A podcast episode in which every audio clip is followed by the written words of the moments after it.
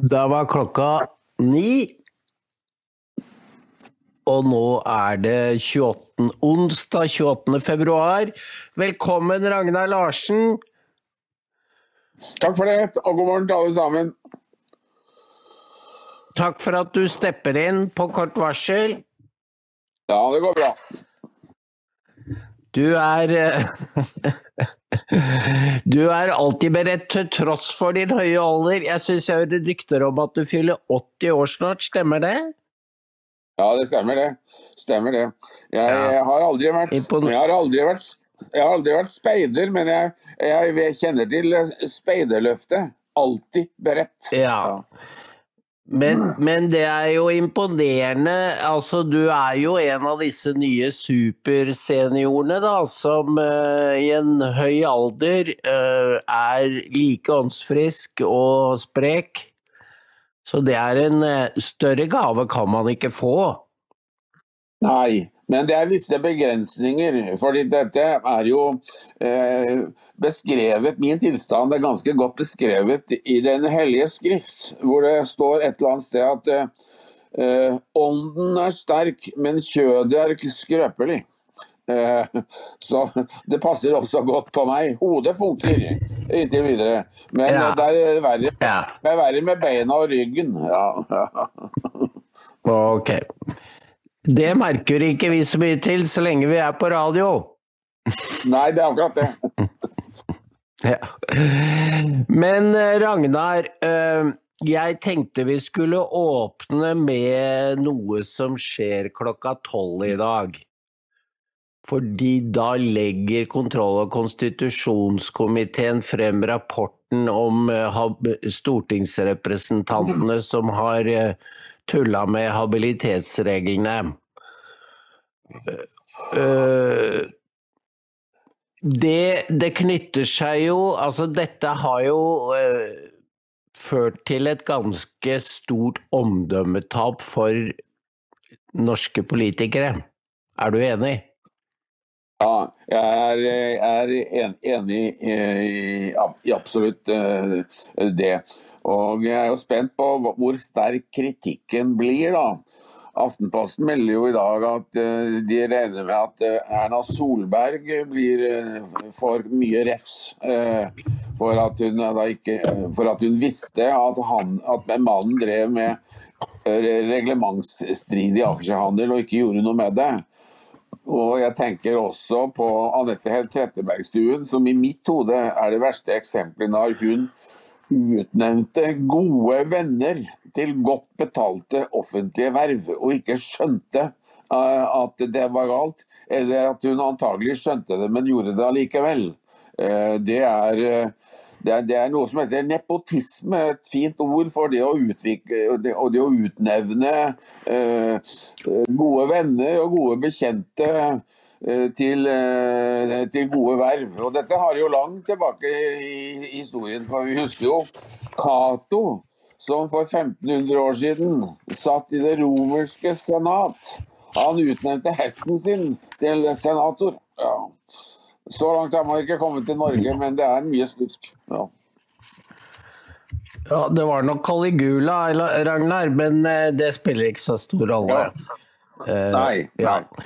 Eh, Men nepotisme, det er helt riktig, det er eh, et kjent fenomen fra historien. Og eh, vi har jo forbundet det med Arbeiderpartiet og partiboka. Men, Ja. eh, men nå har det bredt seg, og du finner det jo i alle partier. Ja. Det er, eh, det, er, det, er, det er riktig, det. Det var særlig noe som klebet ved Arbeiderpartiet tidligere, eh, men nå har det, har spredt seg. Og eh, Et eksempel som jeg husker godt, selv om det ligger antagelig 60 år tilbake i tiden, det var fra Kristiansund, som etter gjenreisningen, eh, etter krigens ødeleggelser, hadde bygd seg en ny svømmehall og, eh, for- kommunens regning. Og eh, Kommunen skulle da ansette bademester i Kristiansund svømmehall. Da ansatte de en som ikke kunne svømme. Men han var til gjengjeld sekretær Men han var til sekretær Han var til gjengjeld sekretær i Kristiansund Arbeiderparti. Ja. ja. Så det er det verste. Ja. ja. Mm. Noen noen, noen, ganger uh, er det riktig å ansette egne, uh, en som står en nær, hvis det har stor politisk betydning. Uh, det ser jeg ikke bort fra for gjennomføring av en regjeringspolitikk.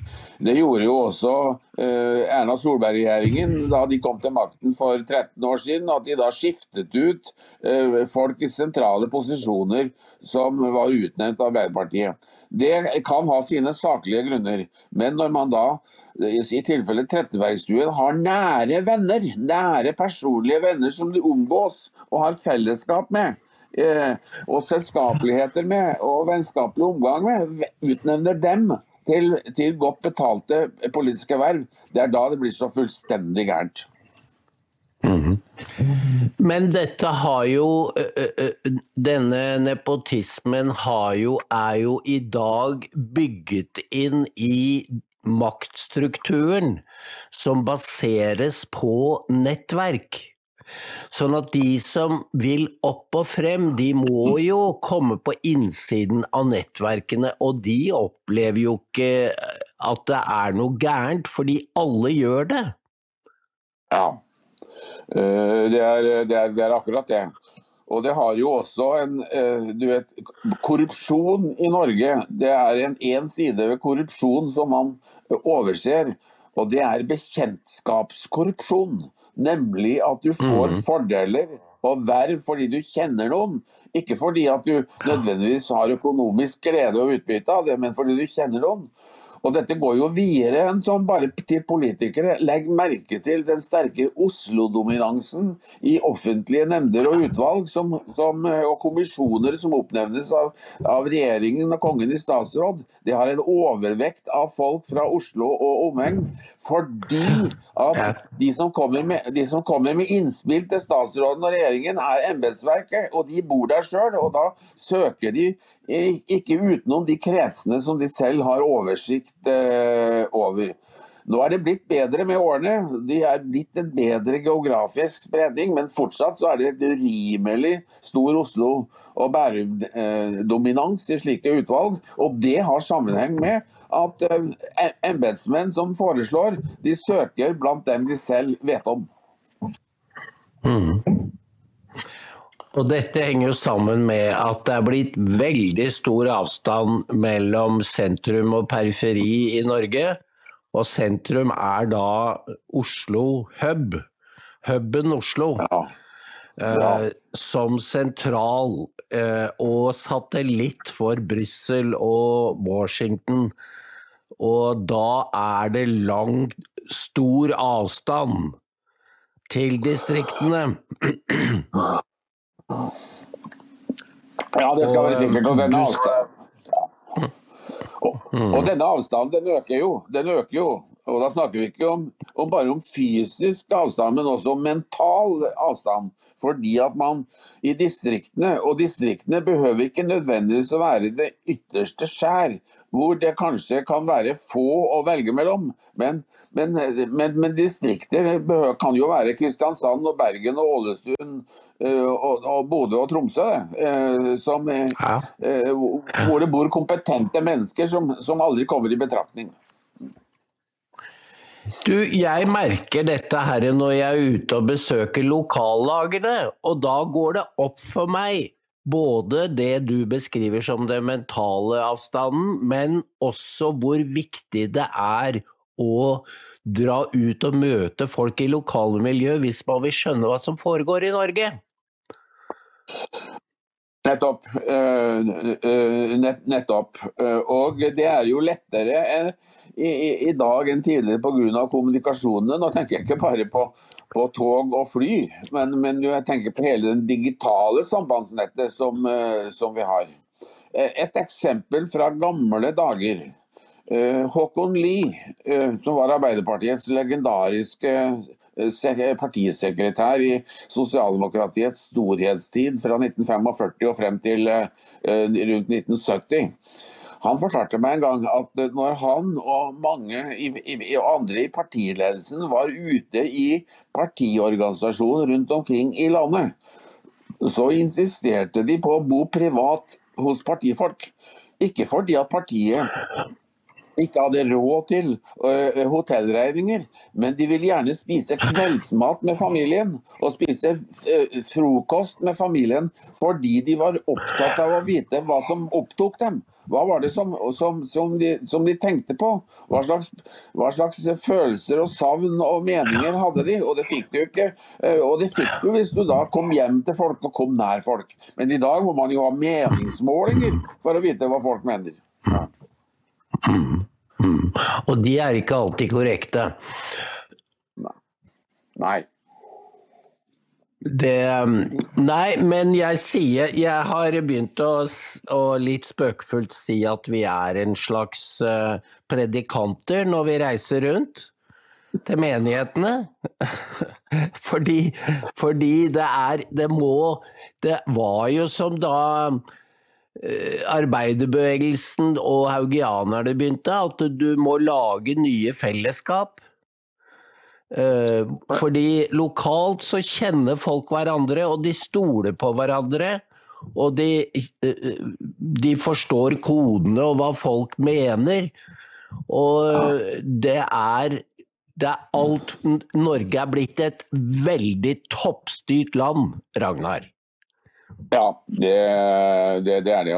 Og det har jo også mediene bidratt til gjennom en enorm personfokusering eh, i, i, i, i, dag. Og det gjelder jo ikke bare i politikken, det gjelder jo til og med i lagidrett. Legg merke til at når tabloide medier omtaler eh, eh, Haaland, som Jærbuen som spiller for, eh, for Manchester City, så er det ikke det at Manchester City vant, eh, og, og, Manchester City leder i ligaen. Nei, det er Haaland som leder ligaen. Ja, mm. det, det, så til og, med, til og med lagidretter blir nå personfokusert, og vi har det enda mer innenfor uh, politikken med en veldig fokusering på enkeltpersoner fremfor fellesskap. Mm. Ja da, eh, og det er en av grunnene til at eh, vi har begynt å skrive. Altså det begynte jo for alvor med Magnus Carlsen. Og så brøt jo Northug, Northug ut, og nå er det Klebo. Altså, de finner seg ikke i å bare være del av en flokk, for de er enere, og vet det. Og det markerer noe nytt i Norge, mener jeg, som uh, fortjener oppmerksomhet.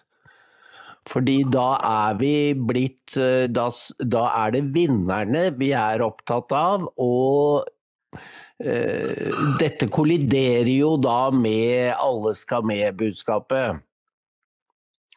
Ja, det, det, det, gjør det absolutt. Og så tar jo Eh, ledende eh, idrettsstjerner dette videre også i økonomisk forstand, fordi de forlanger særbehandling. Det gjorde Petter Northug, og det har, har Johannes Høsvold Klæbo gjort for å holde oss i skiidretten.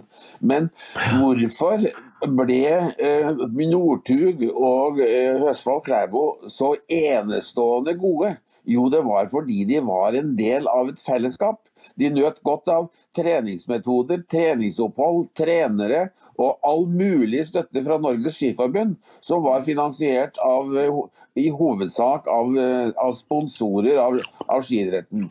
Men når de selv er blitt så gode, så forlanger de at de skal ha mer av kaka sjøl.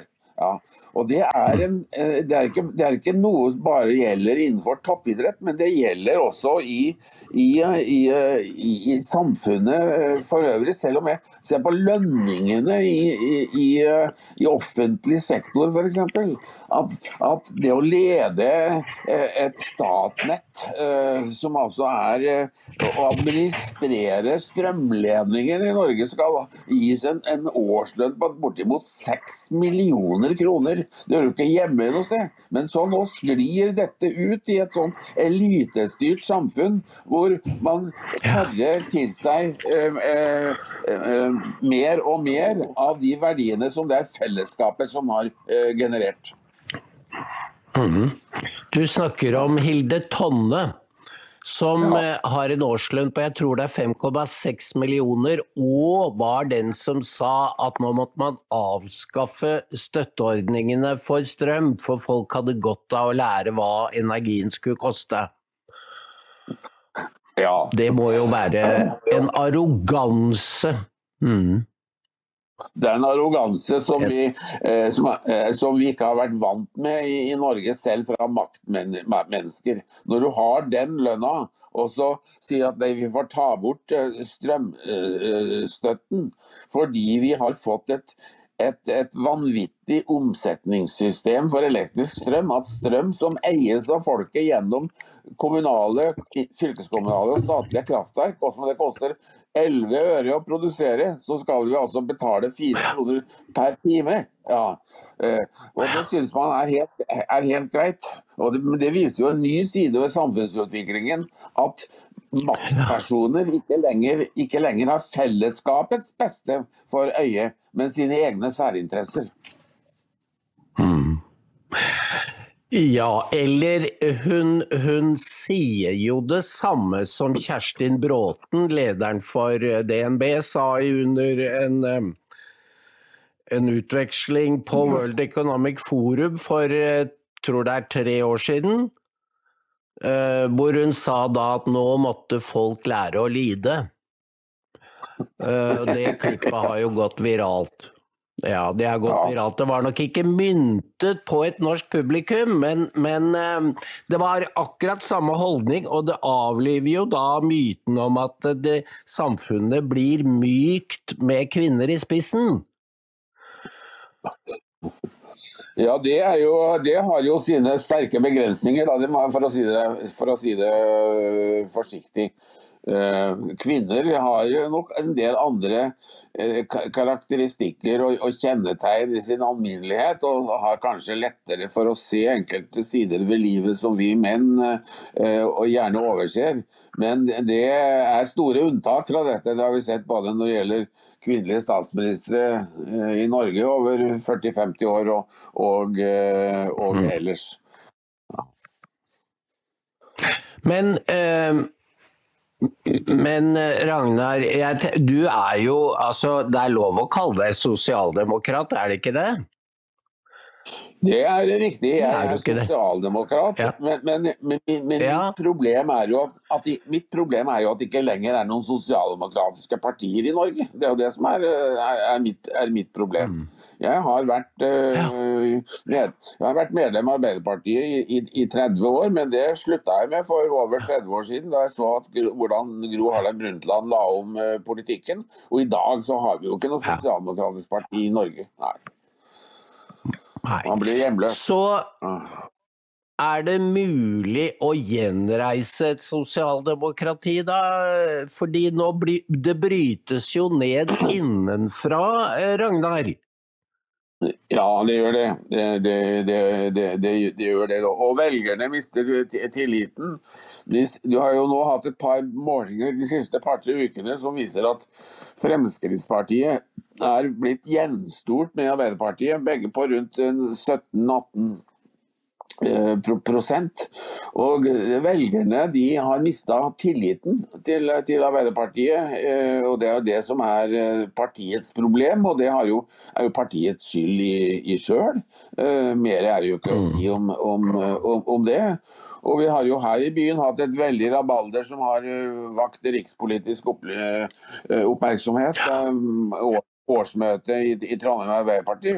Og nå sier den nye lederen i Trondheim Arbeiderparti at politikken skal legges til venstre, og han ser for seg en samling av Miljøpartiet De Grønne og eh, Ja. Rød og Rødt og, S og SV.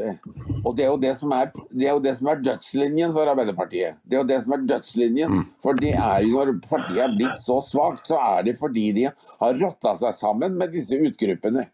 Eh, Jeg har ikke for, vanlig, for vanlig å, å sitere Karl Marx, men han sa en gang at arbeiderklassens frigjøring må være dens eget verk. Og det gjelder også for gjenreisningen av Arbeiderpartiet. Må det være deres eget verk. Fordi de må, de må seile videre på egen kjøl og gjenreise seg med egne krefter. Fordi, og ikke drive med samrøre med disse sære utgruppene. For det er jo det som er en del av problemet.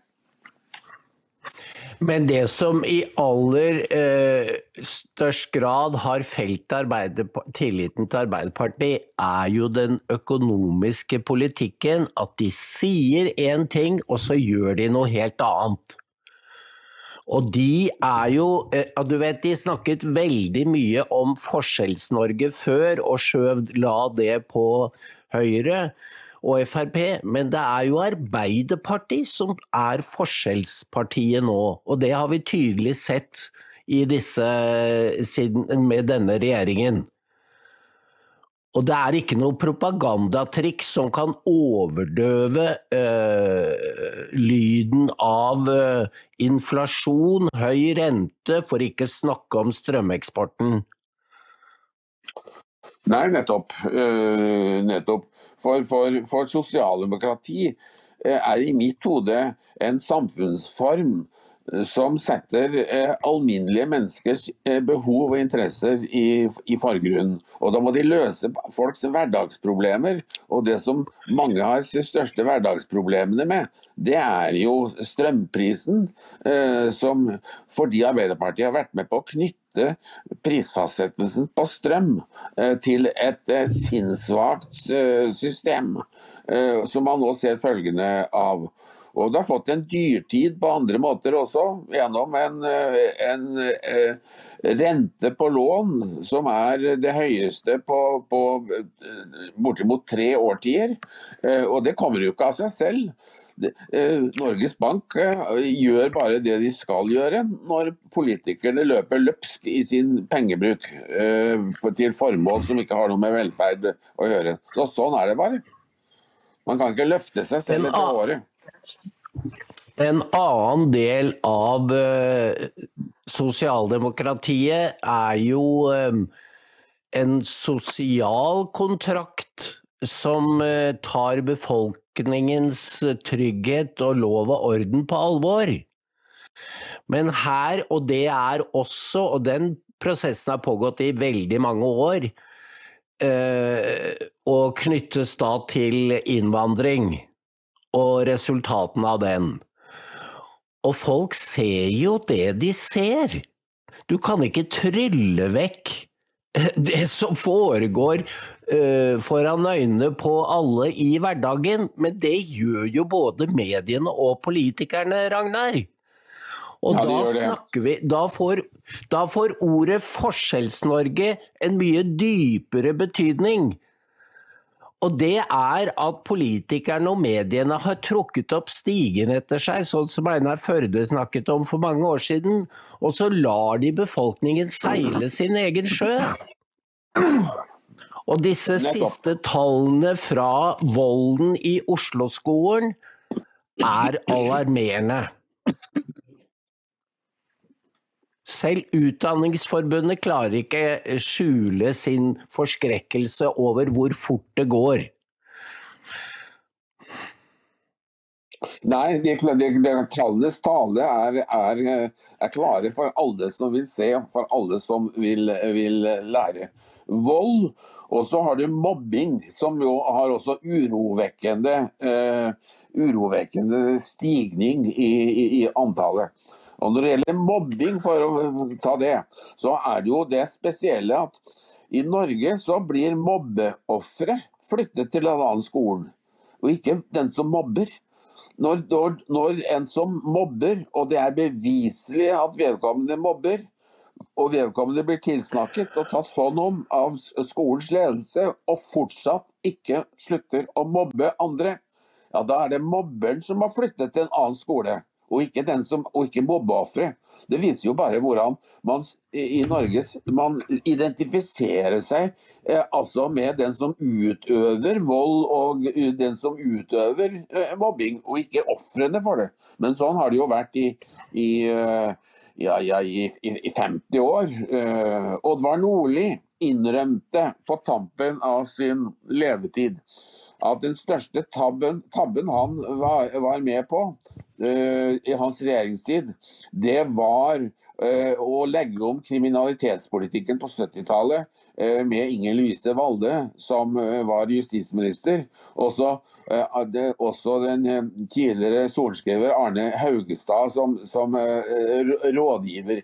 For da ble altså oppmerksomheten vendt mot, mot, mot, den som, mot, den kriminelle, og ikke mot kriminalitetens ofre. Oddvar Nordli angret dypt på denne vendingen i kriminalitetspolitikken. Han mente at straff fortsatt er et adekvat reaksjonsmiddel.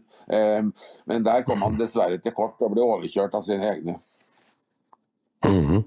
Og den, Du kan jo trekke en rød linje da, fra Valle til, og frem til i dag, og bevegelsen i USA som eh, hadde som motto 'Defund the Police'.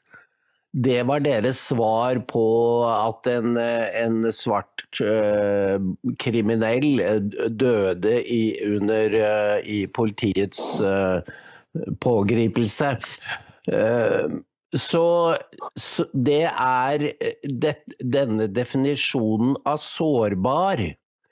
Og det er jo Alle kan se i Vest-Europa at svaret på dagens politikk vil måtte være en inngripen overfor de som er mest uregjerlige, enten det er religiøst eller kriminelt. Men det blir jo ikke gjort noe. Denne lederen for Utdanningsforbundet sa noe veldig interessant, nemlig at på hver skole er det som regel bare en to-tre elever som står for den grove volden. Det, altså, hadde det vært i vår, uh, vår ungdom, uh, Ragnar, så hadde det, disse elevene blitt sendt på spesialskoler. Skoler. Men det er det ingen som snakker om i dag. Selv med grov vold så blir de ikke fengslet, for de er sårbare. Ja, nettopp. Da jeg gikk på skolen på 50-tallet, så ble vi ikke truet, for det var det ikke grunnlag for, men vi ble foreholdt at, at hvis du ikke oppfører deg ordentlig, så blir du sendt på trollskolen. Og hva en trollskole var, det hadde jeg ikke noen forestilling om, men jeg skjønte at det måtte være et ubehagelig sted å, å, å være. For dem som var trollete, ble sendt på trollskole. Eh, og det lå i bevisstheten hele tiden at ja, hvis du ikke oppfører deg ordentlig, så, så, så, fikk det konsekvenser. Og det er akkurat det som mangler i dag, både når det gjelder å slå ned på upassende oppførsel på skolen, mobbing og kriminalitet. Det har ingen konsekvenser å overtre eh, samfunnsnormene for god oppførsel. Det er det som er grunnproblemet. Og når det ikke har noen konsekvenser, ja da kan du vel gjøre det, da. Ja. Ja, særlig når det foreligger clash mellom ulike normsystemer og barna kommer fra hjem som overhodet ikke har noe respekt for eh, det som er normene i vårt samfunn. Nei, nettopp. Eh, og, og, det er jo et grunnproblem også, at de som da har kommet fra andre kulturer og, og fått uh, fotfeste i, i, opphold i Norge, de tar ikke skikken dit du kommer. Det er det som er et, et grunnproblem. For sånn er det at du, du tar skikken dit du kommer. Når du kommer når, hvis du skifter arbeidsplass uh, og kommer i en ny bedrift uh, eller en offentlig virksomhet, ja, så, så, så, lærer du deg bedriftskulturen og normene der, slik man gjør det. Du tar ikke med deg unoter eh, fra, fra, gamle arbeidsplasser inn i en ny eh, arbeidshverdag. Og Sånn er det, bør det også være med, med innvandrere. At de som da er vold, de som er levd opp og formet av islam, som jo er en voldskultur. Hele tankesettet er jo basert på vold. Ja, så må de slutte med det når de kommer til Norge, for vi har andre normer. Men når de ikke gjør det, da får vi trøbbel. Og den overdrevne og ensidige fokusen på eh, Gaza er jo med på å hisse opp stemningen og gjøre eh, Fylle muslimer med en, en, rett, en følelse av eh, rettferdig harme. Og nå begynner snart ramadan, og da vet vi at det ofte har skjedd terrorhandlinger. Um, men nå vil jo det nye byrådet i Oslo han vil jo pynte Oslo til ramadan.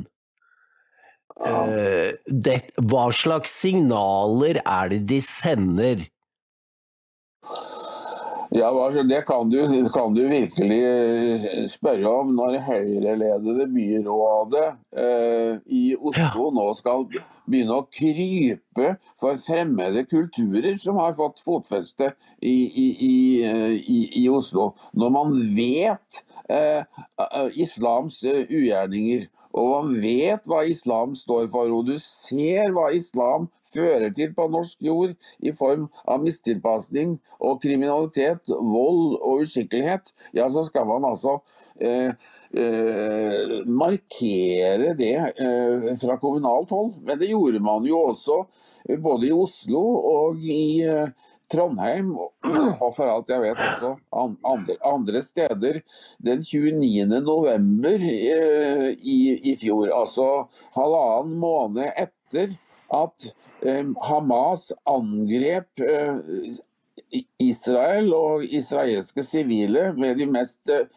ufattelige ugjerninger, ja, så ble det belønnet med at man på rådhuset i Oslo og, Trondheim heiste Hamas-flagget. Ja, på, på, på, på, den dagen. Så det viser jo at, at folk har hodet under armen og armen i bind. De tenker ikke, men vi gir etter uh, for alskens påvirkning.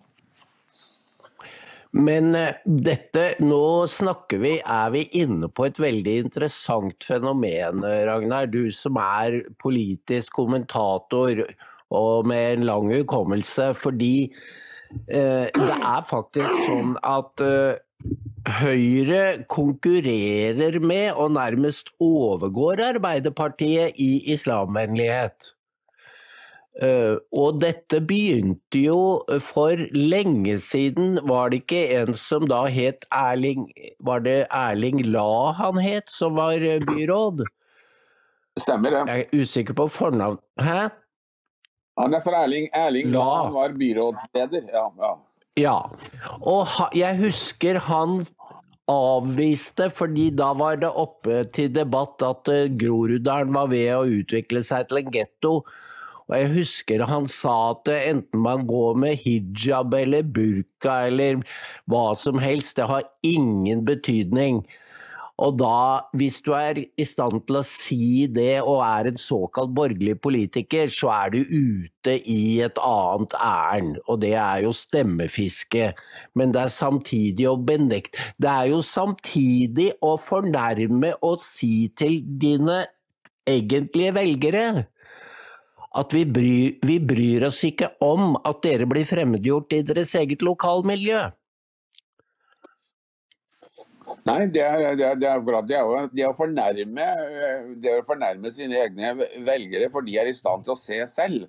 Uh, og, og, Det er jo litt rart at, at man på høyresiden skulle være så opptatt av, av dette, fordi at uh, muslimske innvandrere de stemmer jo stort sett uh, til venstre for seg på venstresidens eh, partier. Jeg har jo sett undersøkelser som viser at 80 eh, av innvandrede eh, muslimer og deres etterfølgere de stemmer på, på partier fra Arbeiderpartiet og ut mot ytre, ytre venstre.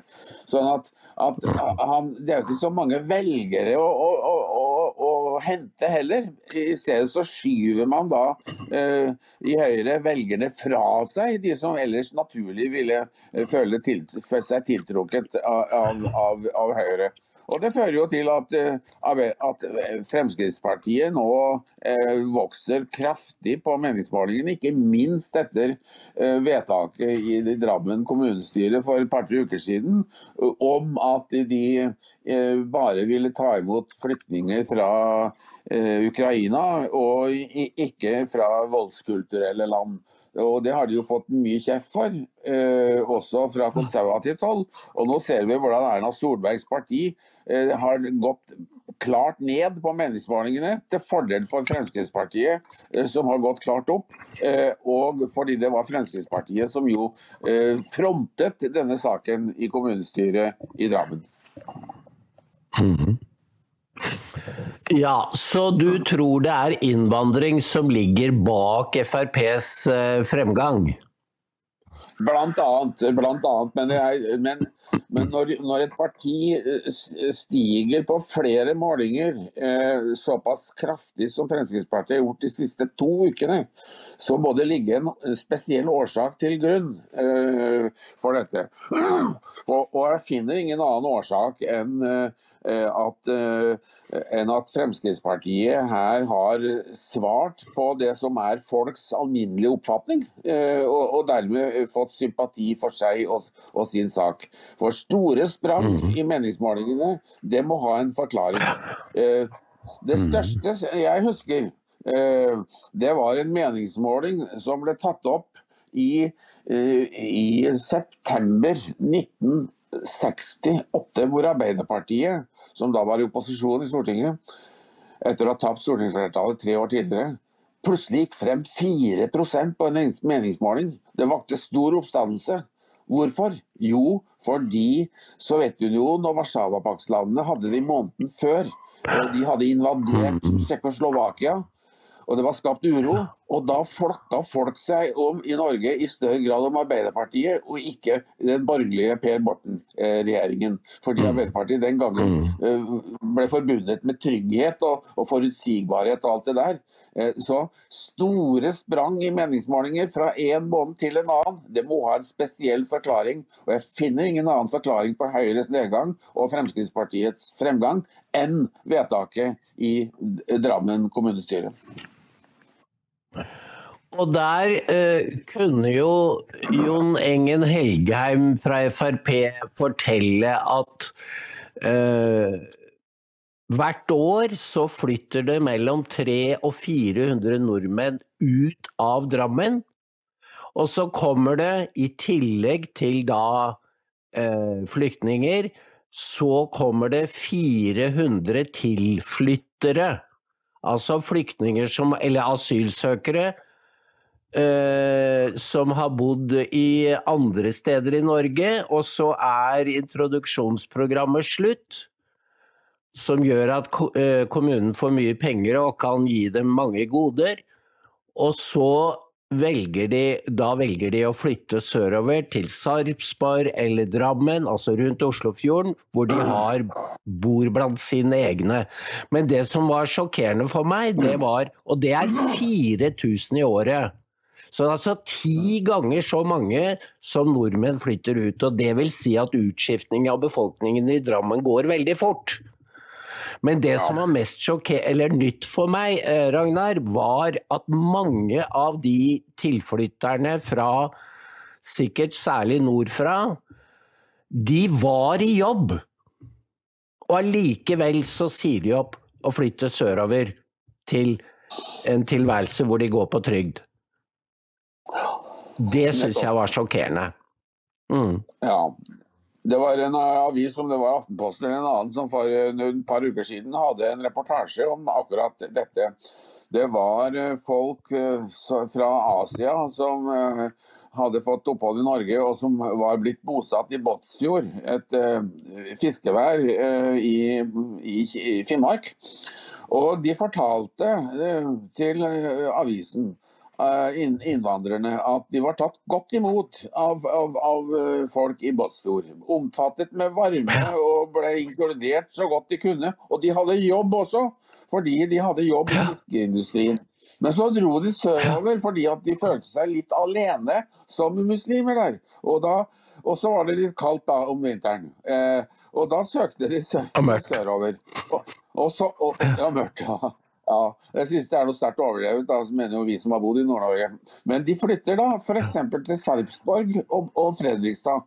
Og hvorfor er kommunebudsjettene i Sarpsborg og Fredrikstad så utpint? Og hvorfor har innbyggerne i Sarpsborg og Fredrikstad så mye dårligere vilkår når det gjelder service og, og omsorg fra det offentlige enn andre steder? Jo, det kommer av innvandring, uh, som, hvor folk bosetter seg der etter at de er misfornøyd med, med livet sitt uh, andre steder. Så Det er forklaringen på dette. Det viser jo livsvilkårene for serpingene og Fredrikstad-folk. Uh, det forringes pga. en bevisst innvandring, hvor, hvor, hvor da muslimer forsyner seg Eh, av livsvilkårene til ekte nordmenn. Mm. Du, dette det er jo interessant at både Stalin og Mao innførte stavnsbånd. Fordi eh, i takt med moderniseringen av de samfunn de bygde opp, så vil jo landsbygdbefolkningen eh, flokke til byene, for det er der jobbene er og bedre lønner og høyere levestandard. Ja. Men det ville jo ikke regimet, så de innførte stavnsbånd. Eh, det er bare som et sånt lite apropos til dagens politikk, fordi jeg tror eh, Det er vel ikke noe i veien for at eh, Stortinget kunne også si at nå har dere kommet til Norge, dere får så mye goder, men da må dere forplikte dere til å bli boende der dere er blitt sendt. Ja, nettopp. Nettopp. Vi hadde jo tidligere avverter av dette. Uh, hvor yrkesgrupper som ble påspandert en, en, en uh, dyr utdanning av det offentlige, f.eks. leger, hadde vi tidligere at de hadde en plikttjeneste. I å, gjøre tjenester som distriktsleger i, i, distrikter som ellers hadde vanskelig med å rekruttere leger. og da hadde du plikttjeneste. Men det ble jo avviklet for veldig mange år siden, og det var kanskje også da riktig eh, å, å, gjøre. Men du vet at én ting er å ha stavnsbånd, det har nå sine sider. Men det går an å flytte på folk også uh, i andre sammenhenger. Og, og her er Fridtjof Nansen et godt eksempel. Man, uh, Fridtjof Nansen fikk nobelprisen for sin enestående humanitære innsats i Ukraina for å rette opp eh, skavankene av Stalins politikk. For Stalin likte ikke ukrainere, så derfor så kunne han sulte dem i hjel. Eh, men det eh, bidro da eh, Nansen til at mange liv ble, ble reddet. Men Nansen, som hadde en sterk posisjon i det internasjonale samfunnet, han gjorde noe annet. Han han intervenerte også i, i Hellas-Tyrkia-spørsmålet. For da det ottomanske riket, dvs. Si Tyrkia, gikk i oppløsning etter første verdenskrig, så sørget han for en utskiftning av befolkning. Fordi at grekere Grekere som bodde på ubestridt tyrkisk territorium, de ble flyttet til hjemlandet eh, til, til, til Hellas. Og tyrkere i Hellas ble flyttet til, eh, til Tyrkia. Fordi eh, Nansen som en klok mann han så at dette var uforenlige kulturer som ikke kunne omgå hverandre. Og dermed, for De ville bare skape eh, elendighet og vold og ufrihet og krig. og Derfor så tok han og rydda opp i spørsmålet ved å flytte folk. Men i dag gjør man det motsatte. Man har ikke lært et kvekk av, av, av, av, eh, av eh, Fridtjof Nansen. Man tar altså folk fra voldskulturelle land i Asia og Afrika og flytter dem til Norge. Og du ser resultatet. Det går jo ikke bra. Mm. Mm. Men da må jeg spørre deg om uh, Sylvi Listhaug. Fordi Biden i USA har jo gjort uh, han har åpnet grensen i sør og sluppet inn eh, et, rundt ti millioner illegale migranter som ingen aner hvem er. men jo mer man uh, hører om hvem som kommer, jo mer foruroligende er det. Annet uh, 50 000 kinesere i våpenfør alder. Bare unge menn, selvfølgelig. Og, men allikevel, når Sylvi Listhaug får spørsmål om hvem hun vil stille på, så sier hun at hun velger Biden.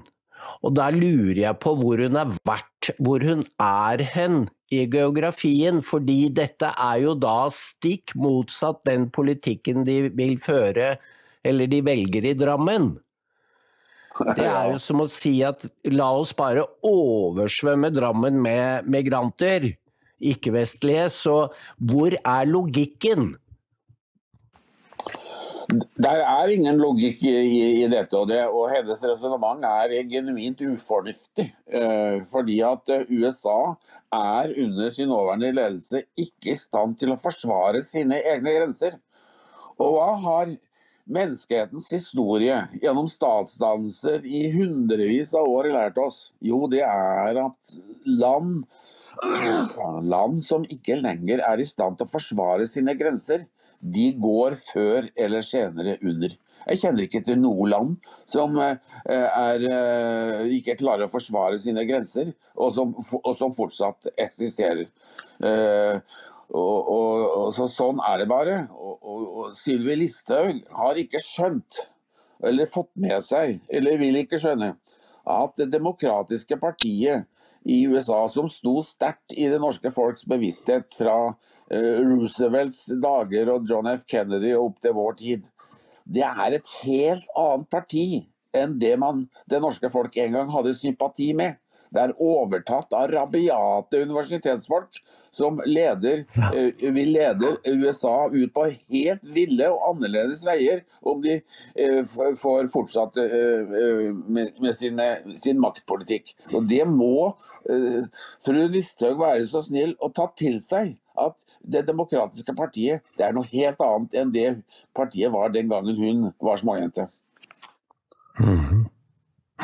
Ja, og det er egentlig en litt annen liste vi ser enn den som dro til Rinkeby eh, og møtte denne imamen nede i Sarpsborg, Ragnar. For da var hun sannelig og konfronterte Arbeiderpartiets omsorg for IS.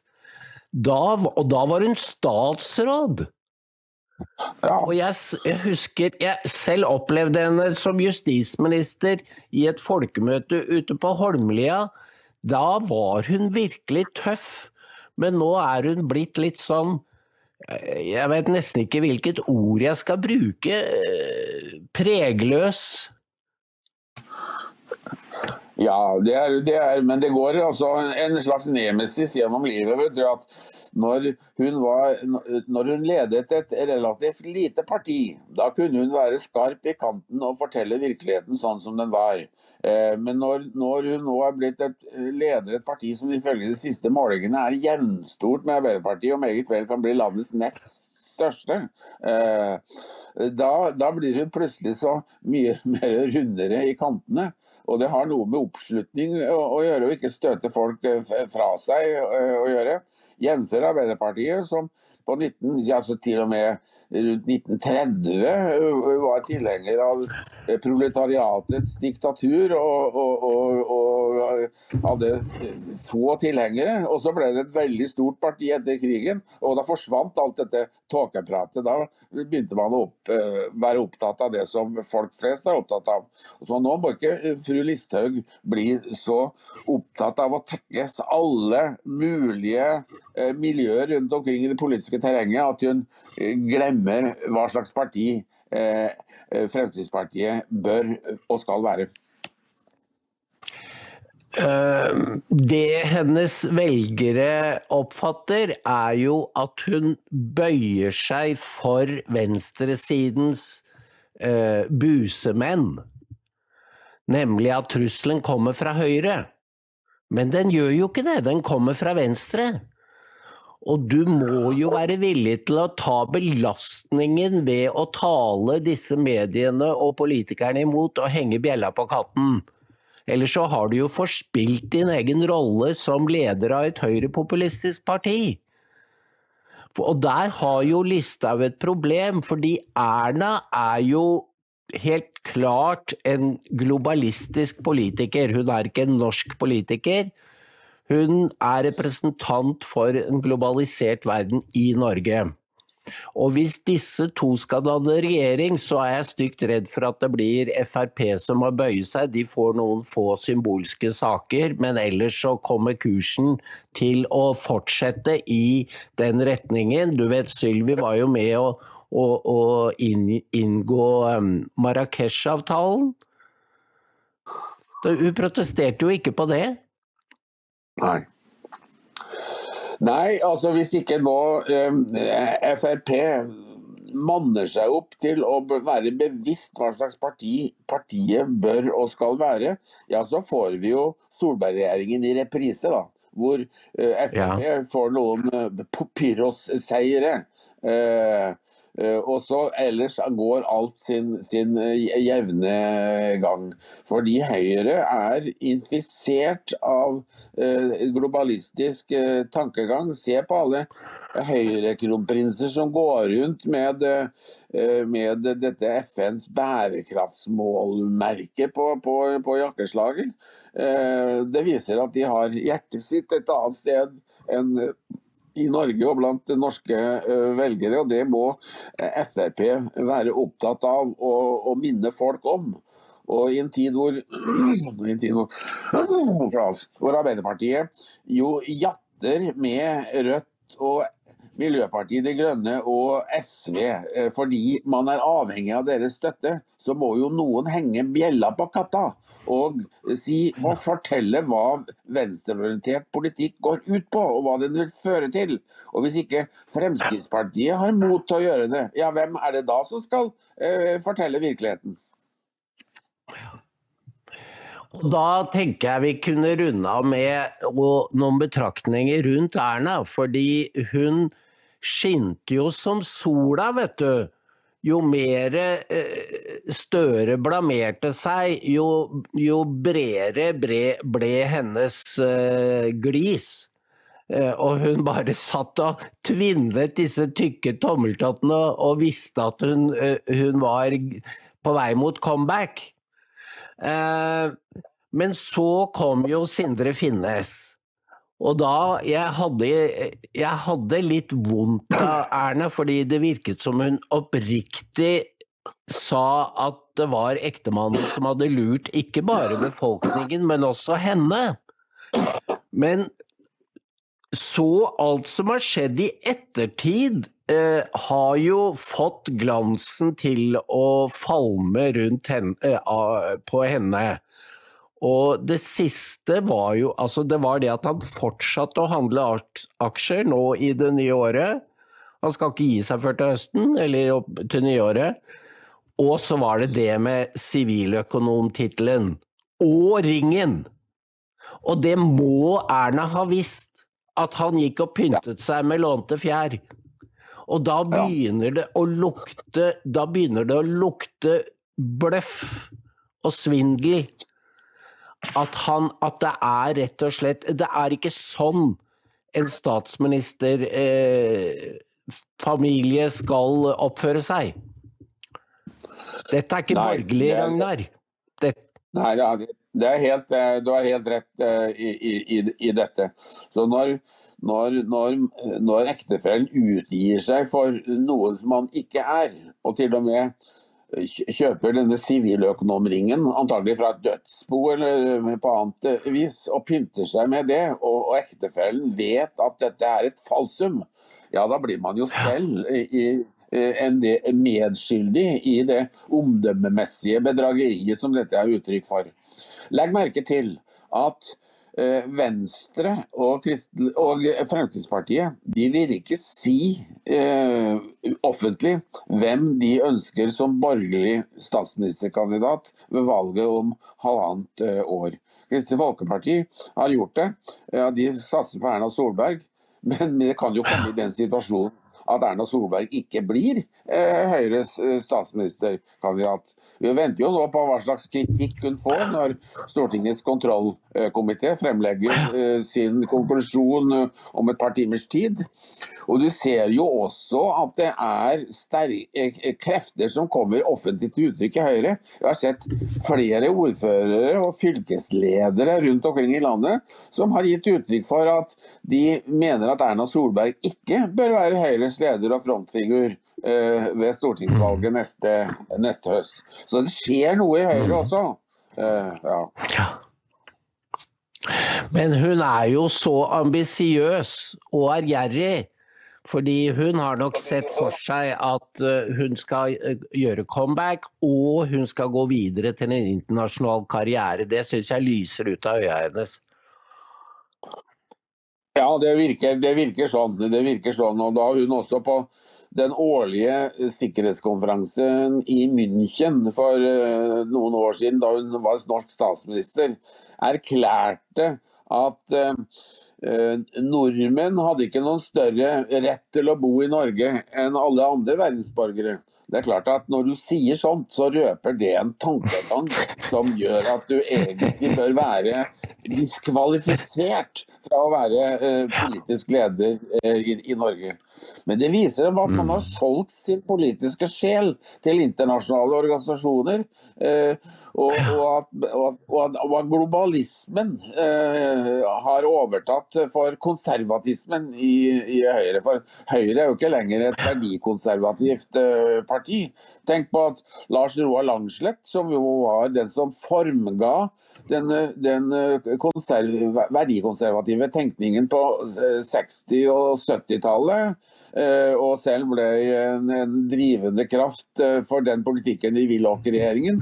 Ved sin død var han ikke lenger medlem av Høyre, for Høyre hadde tatt en annen retning. Så han fant seg ikke lenger bekvem med det partiet han kanskje hadde vært medlem av i 50 år. Og sånn er det når du svikter eh, din misjon i norsk politikk til fordel for fremmede tanker. Da får det følger. -hmm. Hvem var det, sa du, som meldte seg ut? Det var Lars Roar Langslett. Ja, og gjorde han det? Ja, det Meldte han seg ut? Det visste jeg ikke. Jo da, det ble alminnelig kjent, det. Det ble alminnelig kjent, det. Uh, og, og, Francis Sejersted, og Francis Sejersted, som var hans politiske tvilling, og som jo mange år var, uh, var, leder av Stortingets eh, Nobelkomité og en drivkraft innenfor Høyre ja, ja. når det gjaldt ideologisk tenkning. ja, han var heller ikke medlem, og da han fylte 70 år, og det ble gitt utgitt en sånn erindringsbok om ham med, ja, et festskrift med tabula gratulatoria, så var hele det politiske Norge ja. med, men ikke, men ikke, Høyre. Så Det viser jo at Høyre er blitt et, et helt annet parti i løpet av én generasjon enn det det var. Uh, og, og, så, uh, mm. Ja.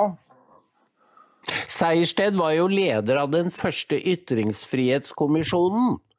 Og den hadde jo en helt annen innretning enn den som Abid Raja var medlem av, fordi den sa at det må ikke bli sånn at den som føler seg krenket, skal definere grensene for ytringsfrihet.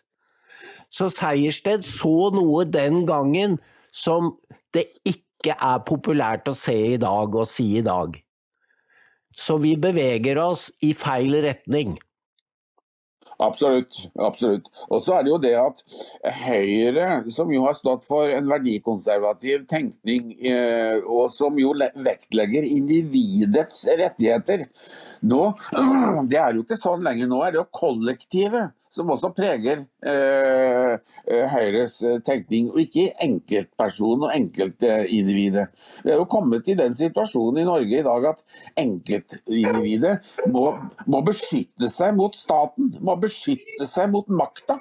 Og Det er jo en klassiske motsetning som har vært i europeisk eh, styresett i, i hundrevis av år. Eh, hvorfor ble det revolusjon i Frankrike i, i, i, 1779? Jo, det var at folk måtte beskytte seg mot keiserdømmet og maktutøverne. Og, og Det er jo en klassisk motsetning mellom, mellom makt og folk. Og, og, og, nå er det sånn at nå må enkeltindividet igjen beskytte seg mot maktas overgrep. Og Der står Høyre på feil side. Og med disse velvalgte ord, Ragnar, så takker jeg deg for nok en interessant eh, samtale. Takk skal du ha.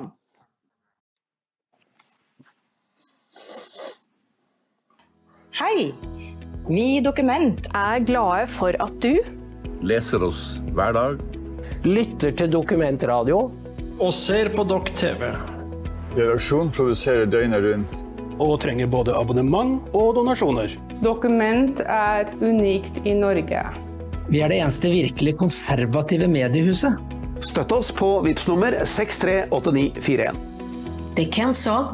VIPS nummer 63 89 41. 63 89 41. Eller bli abonnent.